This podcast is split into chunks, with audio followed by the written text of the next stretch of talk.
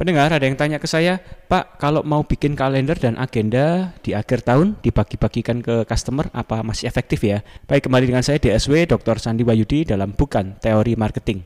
Bikin kalender, bikin agenda dikasih ke customer pada akhir tahun. Selama fungsinya tidak sama dengan Google Calendar atau Notes yang ada di handphone mereka, maka masih efektif. Kalau fungsinya sama persis dan customer yang diberikan sudah gadget minded ya, milenial yang nggak mau ribet, nggak mau bawa kertas, nggak mau bawa buku, tapi semuanya ada di handphone, maka biasanya kalender agenda itu nggak akan dipakai ya. Ya akhirnya sayang kita bikin tapi nggak dipakai.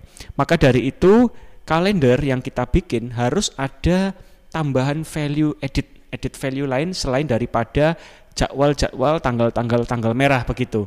Misal kita berikan informasi tips kesehatan di kalender. Ini kan bisa bicara kalender dinding atau kalender duduk ya. Atau kita berikan potongan-potongan voucher yang bisa disobek pada bulan-bulan tertentu dan potongan voucher itu bisa diridim, ditukarkan di toko atau outlet kita. Nah, oleh karenanya kalender ini sifatnya multifungsi, bukan hanya mengingatkan tanggal merah ya, ada hari libur kapan, melainkan ada tambahan fungsi yang lain. Begitu pula sama dengan agenda, jangan memberikan cuma buku dengan isi kertas-kertas kosong ya, supaya bisa ditulis, karena banyak sekarang orang males ya tulis-tulis, melainkan langsung ketik di smartphone mereka harus ada tambahan lain nih, fungsi tambahan sedemikian agenda ini bisa dibawa ke mana-mana. Misal kita sediakan tempat untuk simpan bolpen, tempat untuk simpan kartu pengenal, ID tag mereka di kantor misalnya kan.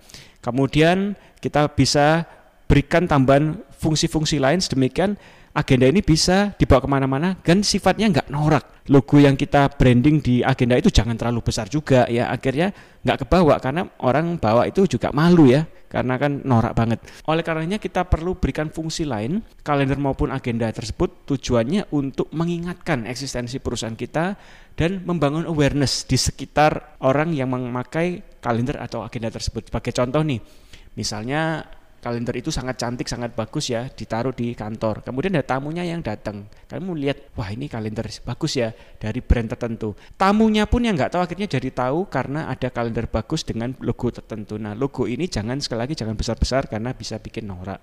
Semoga bermanfaat. Jangan lupa untuk follow Instagram saya @dsw Sandiwayudi.